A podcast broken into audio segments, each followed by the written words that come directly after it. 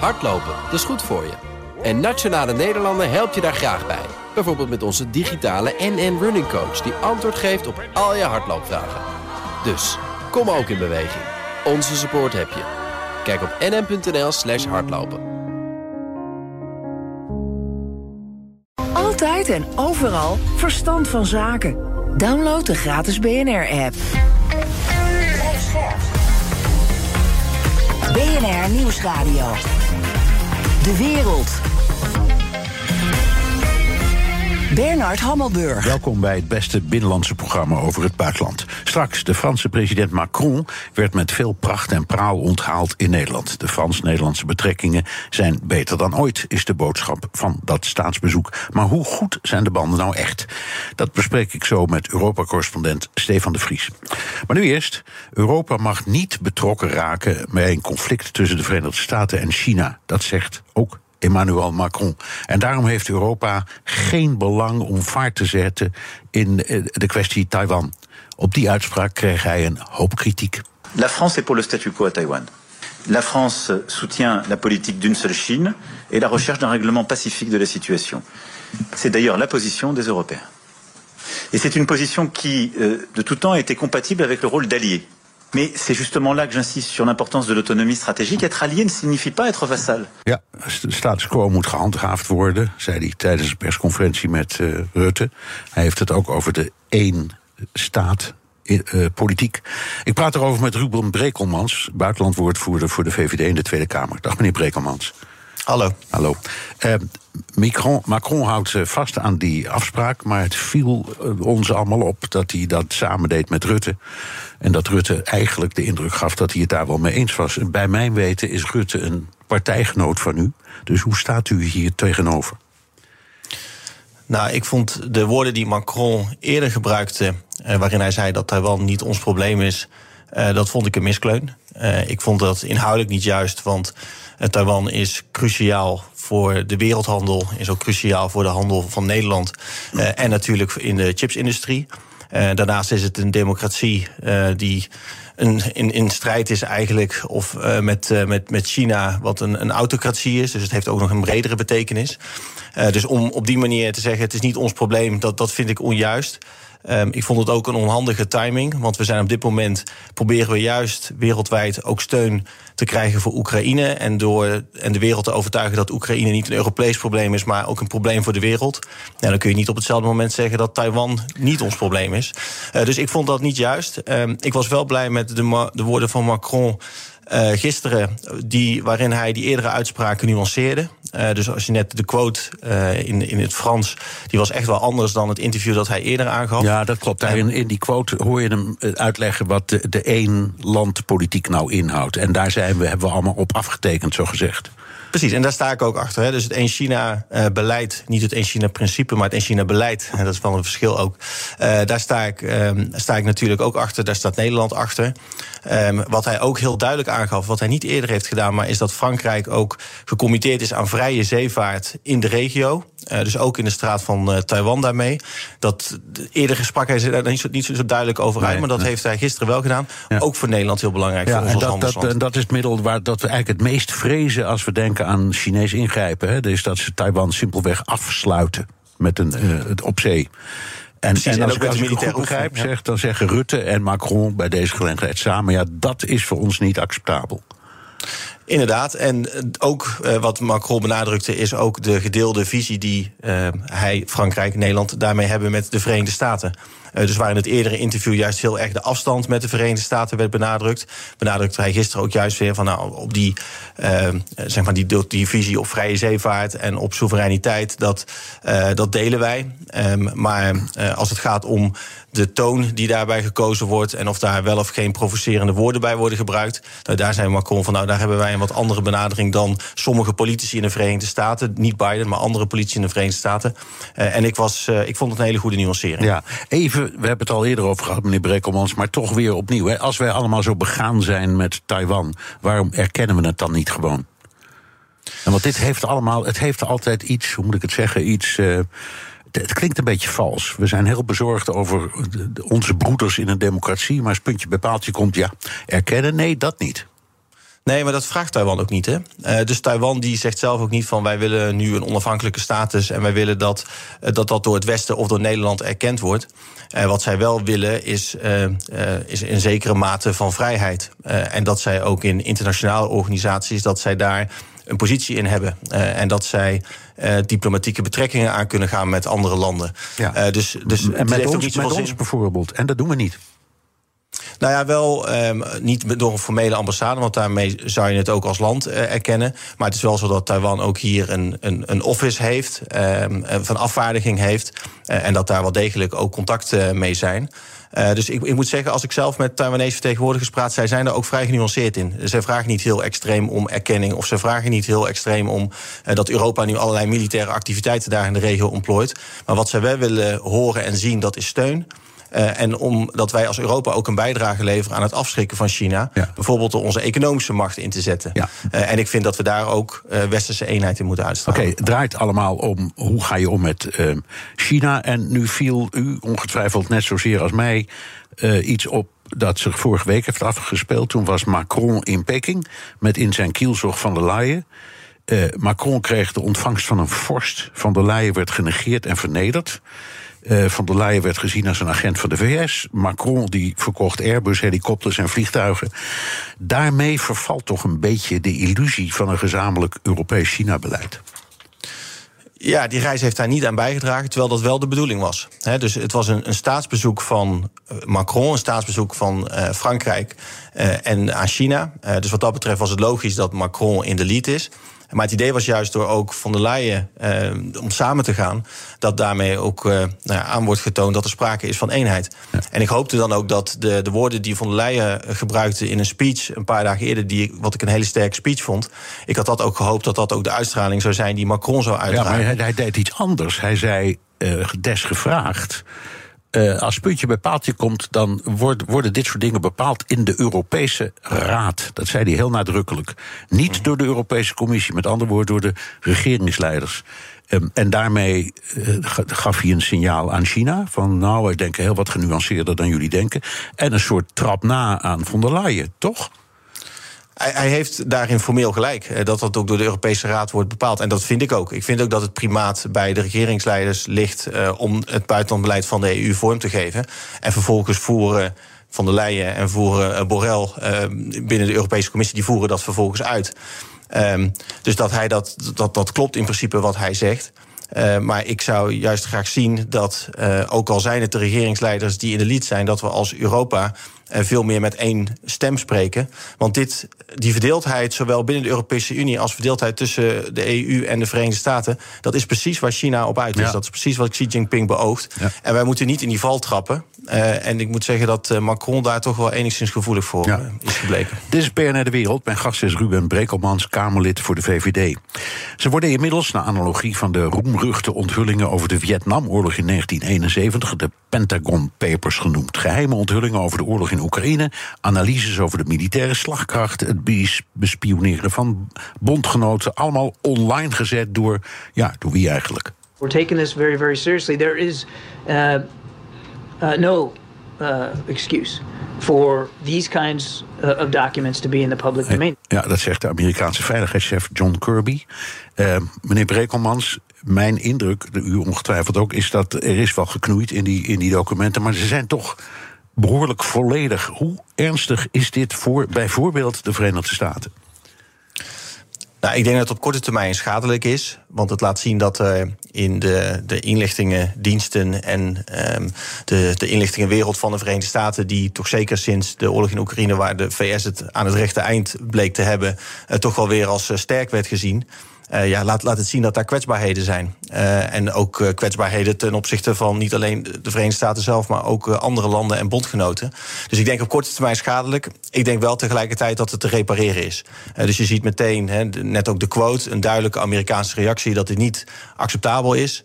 Ze hebben een heleboel van de informatie die is vrijgekomen, hebben ze ook weerlegd of genuanceerd. dat dat niet klopt. Dus dat hebben ze direct gedaan. en als ze ook maatregelen nemen om nog nou, beter en voorzichtiger met dat soort informatie om te gaan en dat beter af te schermen ja, dan zou dat toch wel weer het vertrouwen moeten wekken dat uh, op dit terrein gewoon goed met de VS samen te werken. Ja, nou, daar gebeurt natuurlijk een heleboel vervelende dingen, ook voor, voor bondgenoten die bespioneerd worden. Volgens mij weten die bondgenoten dat, maar als het zo ja, online verschijnt, dat zo'n Israël, Zuid, Zuid-Korea, ja, dan worden die landen woest. Dat kun je, dat kun je bijna niet, dat kan bijna niet anders. Ja, het is al, altijd pijnlijk. En natuurlijk moet dat uh, dan worden veroordeeld en moet je daar een land kritisch op aanspreken. Tegelijkertijd, u zegt het zelf, uh, we weten dat, uh, nou ja, dat, dat, dat, bondgenoten dit ook bij elkaar doen. en dat dat achter de schermen en in het geheim gebeurt. Er zijn natuurlijk eerder, hè, is ook wel, ja. zelfs onder Obama, dat Merkel afgeluisterd werd. Er zijn voorbeelden uit het verleden. Ja, dat was ook een hele hel met Angela, ja, precies. Precies, maar uiteindelijk is die relatie ook weer gerepareerd. Dus ja. de, ze hebben gewoon nou, reparatiewerkzaamheden te doen, de VS. Ja, even, even even over het belangrijkste van het, Wat mij het meest opviel, meneer Brekelmans, was het verhaal dat er in Oekraïne iets van 100 uh, ehm, NATO-commando's zijn, waaronder ook één Nederlander, als ik het goed begrijp. Dat gaat recht in tegen wat de NAVO voortdurend zegt en heeft gezegd. Wij gaan niet een rechtstreeks conflict aan met Rusland. Hoe ziet u dat? Ja, dat zou mij ook heel erg verbazen als dat zo is. Um, en dan zou je. Kijk, er zijn natuurlijk eerder, vlak voor de oorlog uitbrak, waren er ook Britse militairen in Oekraïne die Oekraïense militairen daar trainden. Uh, dus dat daar op die manier in het verleden um, trainingsmissies waren, of misschien ook wat meer geheime missies om Oekraïne te helpen. Uh, dat zou ik niet zo vreemd vinden. Maar als er nu inderdaad nog uh, 100 um, militairen of 100 special forces daar zouden zijn. Dat zou mij inderdaad wel uh, ten zeerste verrassen. Maar het is altijd in die wereld um, van, de, van de commando, eh, special forces. Dat is altijd een hele schimmige wereld eigenlijk waar nooit over gecommuniceerd wordt. Um, maar als je kijkt naar de aantallen ook die genoemd worden. Dus dat het zou gaan om behoorlijk veel special forces uit Litouwen. Net zoveel als Amerikanen bijvoorbeeld. Dat is ook wel een wat vreemde samenstelling. Ja, dus is dit is ook wel een van de onderdelen uh, qua informatie waar de meeste vraagtekens bij worden ja. gezet. Of dat dat wel daadwerkelijk zo is. Ja, maar ik denk onmiddellijk aan, ik denk 1963 of zo. Toen Amerika uh, onder John Kennedy begon met het sturen van een paar adviseurs. Ik geloof 65 naar Zuid-Vietnam. En dat heeft geleid tot het grootste drama zo ongeveer uit de moderne Amerikaanse geschiedenis. Met 58.000 doden. Dus ja, ik, ik krijg, uh, zal maar zeggen, de rillingen van het idee dat daar westerse adviseurs zitten. Hoe, wat, in welke vorm dan ook. Ja, dus daarom hebben wij ook heel duidelijk als, als beleid ook steeds gezegd van... Um, doen we niet. En als principe, ja. als principe doen we niet. Uh, geen uh, Nederlandse uh, troepen, geen westerse troepen naar Oekraïne. Um, dus ik, ik kan me bijna niet voorstellen dat dit klopt. Mocht het wel zo zijn via een of andere heimelijk iets, dan is het niet zo dat mocht er iets met die 100 uh, of een van die mensen gebeuren, dat dan direct getriggerd wordt wat u net beschrijft. Dat we dan meteen in een oorlogssituatie met Rusland als, als, als Westen terechtkomen, directe confrontatie. Even een nee. ander belangrijk deel van Het geeft een, een, een, beeld van hoe het staat met Oekraïne, met de voorbereiding van een nieuw offensief dat Oekraïne eigenlijk een stuk kwetsbaarder is dan we, dan we vermoeden. Nou, dat, dat verbaast een heleboel mensen niet. Maar om het zo in, dat, in die Pentagon Papers te lezen, dat is toch schrikken. Maar ook de Russen staan er niet zo goed voor. Uh, als ik de Russen was, zou ik ook de pest in hebben dat de Amerikanen zoveel van mij wisten. Maar oké. Wat, wat, hoe leest u deze analyse over hoe sterk Oekraïne en Rusland tegenover elkaar staan in de komende fase van de oorlog? Nou het bevestigt eigenlijk wel wat we al wisten, wisten en misschien ook een beetje vreesden. In de zin dat we natuurlijk allemaal hopen dat er een groot voorjaarsoffensief komt. Um, maar tegelijkertijd inderdaad dat het eigenlijk aan beide kanten uh, twee uitgeputte boxers uh, zijn, staan die in de boxring staan. En proberen ze steeds proberen ze weer op te lappen en weer een energieboost te geven. Uh, maar de vraag of dat dan voor Oekraïne genoeg is om weer een hele harde klap toe te dienen, ja, dat weten we eigenlijk niet. Nee. Um, en toen ik zelf uh, en wij als, als, als Tweede Kamer met een kleine delegatie ook in Oekraïne waren, heb ik daar die vraag ook aan meerdere mensen gesteld. En ook aan mensen bij het ministerie van Defensie. Uh, en dan krijg je ook steeds als antwoord van ja, we kunnen eigenlijk heel moeilijk nu voorspellen dat we wanneer en hoe we weer in staat zijn om een grote slag aan Rusland toe te brengen. Terwijl als je dat vergelijkt met een jaar geleden, uh, vorig jaar zomer, toen was Oekraïne daar best open over. Toen zeiden ze: wij verwachten allereerst Rusland een heel stuk te kunnen terugdringen rondom Kharkiv. en vervolgens ook later in het jaar echt een grote slag toe te brengen. En dat is ook precies zo uitgekomen. maar nu durft Oekraïne zelf deze voorspelling niet te maken of minder concreet te maken. Ja, en, dat, en dat wordt nu eigenlijk bevestigd ook door, door deze informatie. Ja. Ervan uitgaande dat die klopt. Ja, en, en de, de noodkreet is munitie. Dat klopt toch, hè? Klopt, ja. Meer, meer wapens, meer munitie, meer reserveonderdelen, meer brandstof. Eh, om ervoor te zorgen dat, die, nou ja, dat, dat, dat Oekraïne uh, in staat is om, uh, om eigenlijk wat ze nu aan het doen zijn, om dat voor te zetten en, en nog een extra push te geven. Ja. Geeft u ze nog steeds een redelijke kans? Ja, zeker. Tuurlijk. Nee, ze hebben ons eerder verrast met, met zowel natuurlijk hun hun, uh, hun, fighting spirit, hun moed, hun dapperheid. Maar ook waartoe ze met beperkte middelen qua creativiteit op het slagveld in staat zijn. en zeker nu natuurlijk de komende tijd komen steeds meer worden de westerse tanks daadwerkelijk geleverd. Kijk, ze zijn al een tijd geleden toegezegd. Dus voor ons voelt dat al als een hele tijd geleden. Maar dat is eigenlijk nog maar twee, drie maanden geleden. dus die komen nu allemaal op het slagveld. En als Oekraïne die weet te hanteren zoals ze dat met eerdere wapenleveranties hebben gedaan, uh, dan verwacht ik nog wel dat we in de komende maanden dat Oekraïne tot iets, uh, iets goeds in staat zal zijn. maar we kunnen het niet met zekerheid voorspellen. Dank Ruben Brekelmans, buitenlandvoorzitter voor de VVD in de Tweede Kamer. Blik op Europa. We gaan naar Europa-verslaggever Geert-Jan Haan. Geert-Jan, we hebben het deze uitzending veel over Macron, maar ook over een. Er is ook een anti-Macron. Ja, zo presenteert de Poolse premier Morawiecki zich deze week in Washington. Terwijl Macron zelf en von der Leyen en nu ook Baerbock en anderen naar China afreizen, is Morawiecki drie dagen in Washington geweest. Uh, Biden heeft hij volgens mij niet gezien, want die zit in, uh, in Ierland en Noord-Ierland. Uh, Morawiecki heeft wel een ontmoeting gehad met Kamala Harris en anderen. En het is duidelijk, wat hem betreft, vergeet wat Macron zegt over Europese strategische autonomie en vooral het afzetten tegen Amerika. Wij in Polen vinden juist dat de samenwerking nauwer moet zijn dan ooit. En hij deed ook uitspraken waarin hij zonder Macron te benoemen zich dus ook tegen hem afzette. En daarom kwam Politico deze week ook bij de kop uit. Morawiecki plays Europe's anti-Macron in Washington. Ja, we hebben het uh, ook voor de oorlog wel gehad over de Pools-Amerikaanse band. Uh, hoe heeft 14 maanden oorlog in Europa die band veranderd? Die is denk ik nog intenser geworden. Uh, jij weet ook heel goed, Bernard, dat er een enorme historische band is tussen deze twee landen. Amerika heeft ooit natuurlijk uh, Polen geholpen in de 20e eeuw, ongelooflijk veel. En uh, nu helpt Polen ook Amerika. Het is een hele trouwe NAVO-partner. Het is de draaischijf van Amerikaanse wapens ja, die gebruikt worden in die oorlog die Oekraïne nu voert tegen Rusland. Er is veel overleg tussen beide landen. Maar ik moet zeggen, die 14 maanden oorlog heeft Polen ook het setje gegeven om in te zetten op het sterkste en grootste leger van Europa. Om de belangrijkste NAVO-partner van Amerika te worden. En de positie van Polen in Europa is ook veranderd. Het gaat niet meer alleen over Frankrijk en Duitsland. Het gaat ook over Centraal- en Oost-Europa met Polen voorop. Um, het gaat niet alleen maar meer over dat land met die regering die zich niet aan de rechtsstaat houdt. Vergeet niet dat er komend najaar ook verkiezingen zijn en dat alles wat Morawiecki en achter de schermen Jaroslav eh, Kaczynski doet, dat het ook gericht is op het aan de macht blijven daar. En ik denk dus dat Polen zich de komende maanden nog veel sterker zal gaan afzetten tegen bijvoorbeeld Duitsland. Ik denk dat de Amerikanen daar ook wel doorheen prikken.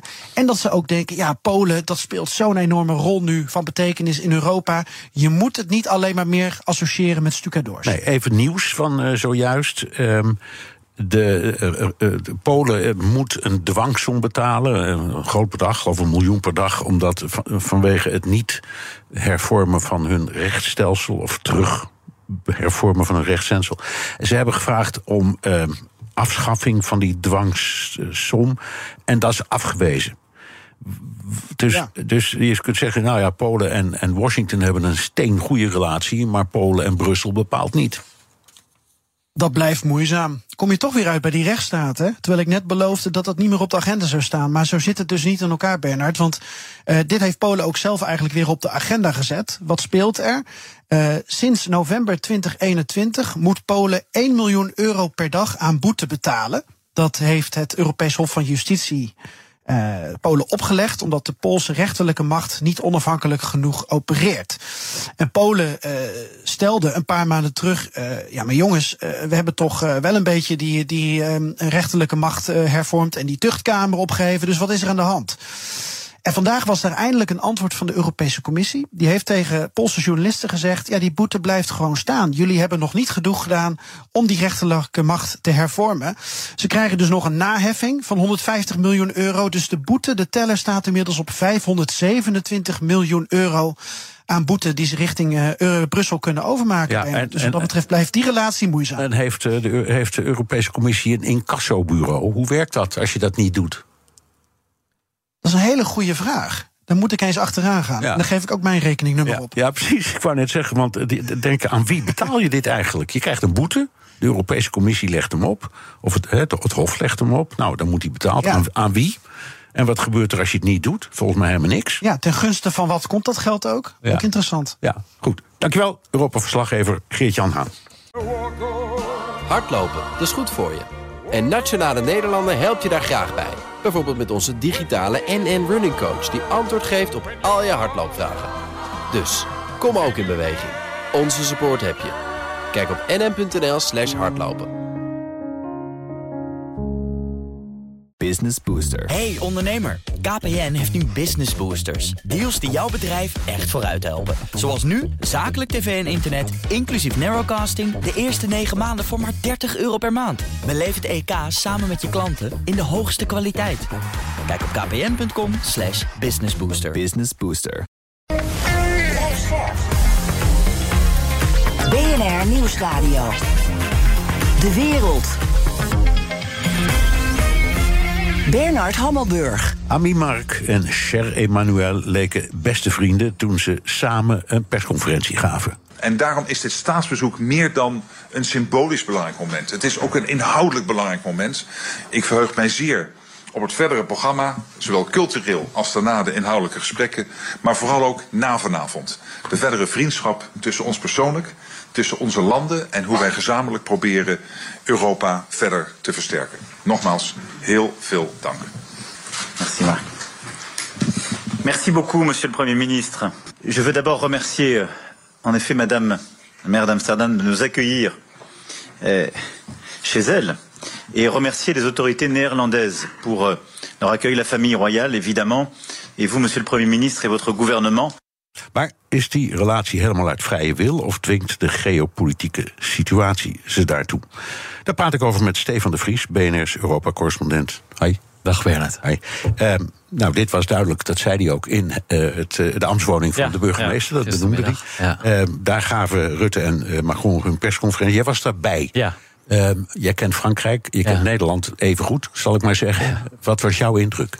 Um, mijn indruk was een, een echt oprechte, diepe, diepe band. Eigenlijk op een manier die ik nog nooit heb gezien de afgelopen twintig jaar als journalist. Tussen uh, Frankrijk en Nederland pendelende.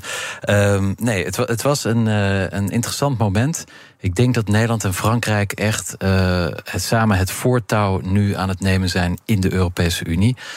Waar ze dan uh, naartoe gaan uiteindelijk, nou, dat valt nog te bezien. Maar ze nemen duidelijk het initiatief. Ja, en uh, waar ligt dat aan? Het zijn natuurlijk een beetje, je zou kunnen zeggen, politiek een beetje partijgenoten van dezelfde ja. denkrichting. Zeker, zeker, Misschien dat dat helpt. Ja.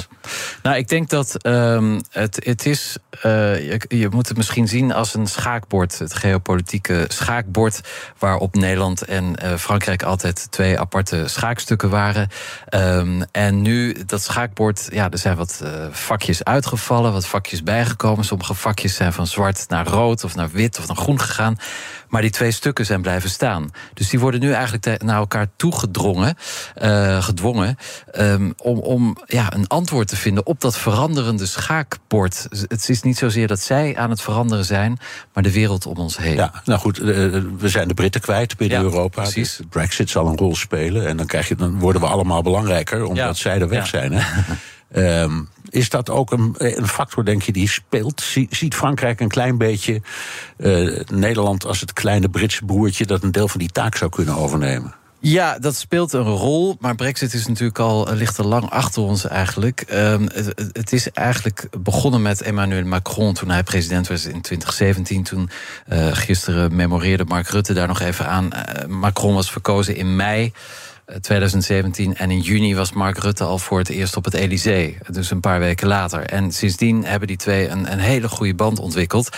En gisteravond, we hebben het veel over het staatsbezoek gehad. Maar gisteravond was ook in het Rijksmuseum een gezamenlijke ministerraad. Er waren acht ministers uit Frankrijk gekomen.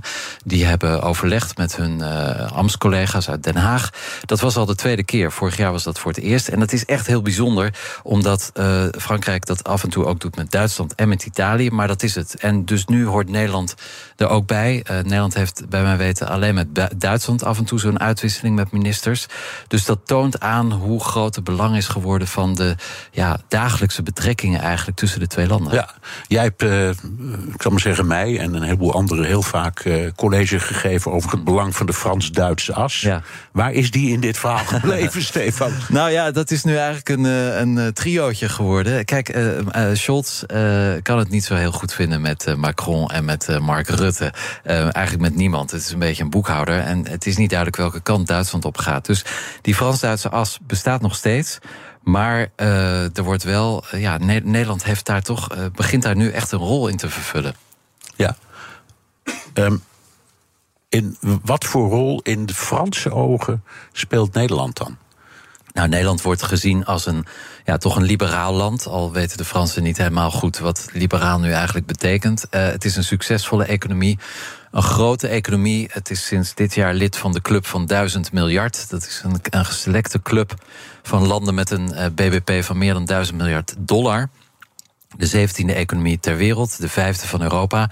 Met heel veel innovatie, uh, technologie, uh, een hele grote landbouwindustrie, uh, met name dan innovatief. De tweede grootste exporteur ter wereld. Het, het, het is, Nederland is ja, het klinkt gek uh, in deze tijden van polarisatie, waar het alleen maar gaat over slechte dingen. Maar het gaat eigenlijk heel erg goed met Nederland. Ja, het komt ook omdat we hard willen werken. En wel tot ergens op ons 67ste ja, jaar. nou ja, en, en, Nederlanders en, die, werken... die Fransen die leggen onmiddellijk de hele maatschappij plat als het van 62 naar 64 moet. Ja, ja nou ja, daar moet ik wel bij aantekenen dat Nederlanders het minste aantal uren ter wereld werkt. Maar dit terzijde. Ja, kijk, dat pensioenverhaal, dat klinkt voor ons heel raar. Uh, en, en niet alleen voor Nederland trouwens, maar voor eigenlijk alle Europese Europese landen. Het is bijna overal 66, 67, soms zelfs 69 jaar al. Um, en ja, in Frankrijk dus 64. Maar dat geldt dan alleen als je 42 jaar hebt gewerkt. Anders moet je tot je 67ste werken voor een volledig pensioen. En dan heb je recht op 1200 euro. Dus dat is minder dan de AOW. Dus het is absoluut geen vetpot. Het is natuurlijk wel een feit dat het, dat het heel merkwaardig is dat de Fransen maar niet begrijpen dat die leeftijd omhoog moet, omdat de levensverwachting stijgt. En de er is Oké, we horen, ik, ik, moet hem zeggen, ja. we horen hem steeds. Uh, ja. uh, uh, de kreet van werken is verschrikkelijk. Ja, werken dat, is verschrikkelijk. Werken is een straf. is een straf. Dat zou dan in, in de Franse hoofden zitten. Is dat echt waar? Nou, het is lastig te generaliseren, maar ik, ik heb wel de indruk, uh, ik heb zelf ook wel bij Franse bedrijven gewerkt, dat werk wordt niet per se beschouwd als iets dat je met je plezier doet. Het, het is echt een, een corvée, eigenlijk. Een, een, ja, iets wat je verplicht moet doen. Je, je, je leeft om te werken. Je, je werk is ook echt wie je bepaalt. Hè. Als je geen werk hebt, dan heb je eigenlijk geen identiteit. En in Nederland is dat toch wat anders. Ik heb het idee dat, dat mensen hier toch wel graag werken. Hè, als student ga je werken, als scholier. Niet zozeer omdat je misschien ook het geld nodig hebt. Maar er zit ook wel een kant aan, omdat het leuk is. En dat, die leuke kant, dat, dat zie je eigenlijk. En, en waar zit hem dat in? Dat begrijp ik niet. Want, uh... nou, ja, ik denk dat het te maken heeft met. Want, ik zeg het daarom, omdat ja. de Fransen hele mooie dingen kunnen en ja. maken. En ja. hun industrie is, uh, is, mm -hmm. is uitstekend. Weinig midden- en kleinbedrijf, maar heel veel grote, indrukwekkende industrie. Uh, kunst, mm -hmm. uh, literatuur, mm -hmm. allemaal fantastisch. Ja. Dus wat, wat is hier mis? Wat is hier mis? Nou, ik, ik denk dat de kern zit in de organisatie van de maatschappij. Het is heel hiërarchisch. De baas is de baas, dus jij voert uit wat jouw baas jou vertelt te doen. Uh, je spreekt hem vooral niet tegen, want dan lig je eruit. Er is nog steeds een hele hoge werkloosheid, 7,5 procent. Dat is weliswaar het laagste in een halve eeuw. Maar lager komt het gewoon niet. Dus mensen blijven ook zitten op hun baan. Salarissen zijn een stuk lager dan in Nederland. Dus uh, je, je, je, houdt, je klampt je vast aan je werk. En uh, ja, de hiërarchie maakt dat je eigenlijk niet zo snel uh, initiatief ontplooit. En dat zie je nu ook met de pensioenhervormingen. Het komt van boven naar beneden. Ja. Emmanuel Macron heeft het bedacht, die beslist het. Zonder het parlement, want dan krijgt hij niet doorheen. Heeft hij buitenspel ja, gezet, ja. inderdaad. En ja, dat creëert dan kwaad bloed. Er is heel weinig overlegcultuur. Dit is BNR De Wereld. Mijn gast is Europa-correspondent Stefan de Vries. European sovereignty could seem as a strange word. For years, this concept may have sounded like a French fantasy, or perhaps like European wishful thinking. I have to say, when I delivered a speech in La Sorbonne, September 17, a lot of comments were about, okay, European sovereignty, this is a French idea, this is just a speech. It will never happen. Ja, dat was een speech van Macron over zijn stokpaardje, economisch Ja. onafhankelijk Europa. Het valt me trouwens op dat hij ehm, gewoon lekker Engels spreekt, Ja. omdat hij snapt dat dat dan toch beter scoort. Ja, ik, ik had erg moeite om het te verstaan. Ik zat ook zo? in die zaal. Ja, ja, ik was op een gegeven moment echt de draad kwijt. Oké. Ik wou vragen, was je onder, onder de indruk, maar het antwoord is, dus nee. Nou, kijk, eh, ja, het is een beetje lullig om, om dan om naar beneden te halen. Maar hij, hij eh, ontvouwt wel een visie over Europa. Ik vond qua vorm, het is geen sterke eh, redenaar. Hij, hij, heeft nooit indruk gemaakt eigenlijk op mij als spreker in het openbaar, bij grote gelegenheden. Ik vind dat als je een speech geeft over de toekomst van Europa met, met toch wel best duidelijke ideeën, dan moet je dat doen met, met je hart en met je passie. En hij stond daar als iemand die een spreekbeurt gaf eh, op de universiteit. Eh, en, dus het kwam ook niet echt binnen in de zaal, had ik de indruk. Maar goed, hij durft het wel. Hij is een van de weinige Europese regeringsleiders met een visie, met een plan. Zijn woord strategische autonomie is ook omarmd eigenlijk door iedereen. Ja, leg, door leg uit en leg, uit hoe dat in, van toepassing kan zijn. Zeker als je praat over de relatie bijvoorbeeld met Nederland. Nou, het, het, idee, het idee is dat we veel te veel afhankelijk zijn eh, van eh, Verenigde Staten en China. Verenigde Staten ook met name op het gebied van defensie. Maar de Verenigde Staten zijn ook heel protectionistisch. Nou, dat zijn, is Europa eigenlijk niet.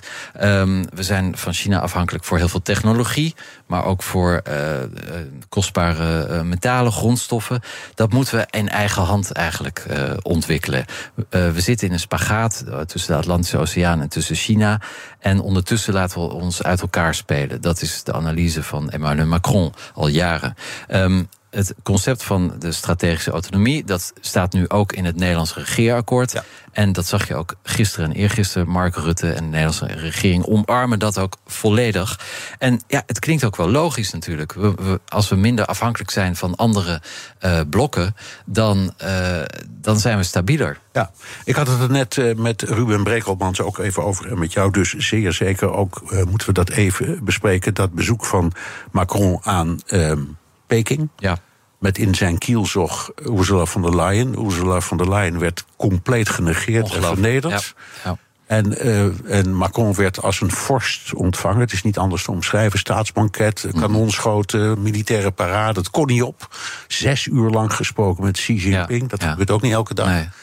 Ehm, en hij, maar hij deed ook gewoon deals. Dus hij bevestigde, bevestigde een belangrijke Airbus-deal... Die, die al lang was gesloten. Maar het, het zag er mooi Dat uit. is op die vaak manier. Maar ehm, is het signaal nu aan bijvoorbeeld Mark Rutte... of aan het Nederlands volk of aan de rest van Europa... jullie moeten achter mij aan. Ik heb de juiste toon en de juiste methode... om met China om te gaan. Ja, dat zou hij wel willen. Ja, hij heeft zijn mond vol over meer Europese integratie en samenwerking. Maar wat hij heeft gedaan in China was eigenlijk meer verdeeldheid zaaien. Ja, dat dacht ik ook. Ja, de, de- En vooral door, door, door Van der Leyen mee te nemen... en dat dan gewoon te ja, laten, te laten bungelen. bungelen, ja. absoluut. En eh, ja, dat is, dat is natuurlijk echt een belediging naar haar toe. Ehm, kijk. Hij wilde natuurlijk ehm, Xi Jinping ook niet voor het hoofd stoten. Want een van de redenen waarom hij daar was, om, was om China te overtuigen dat ze druk uit moeten oefenen op Rusland.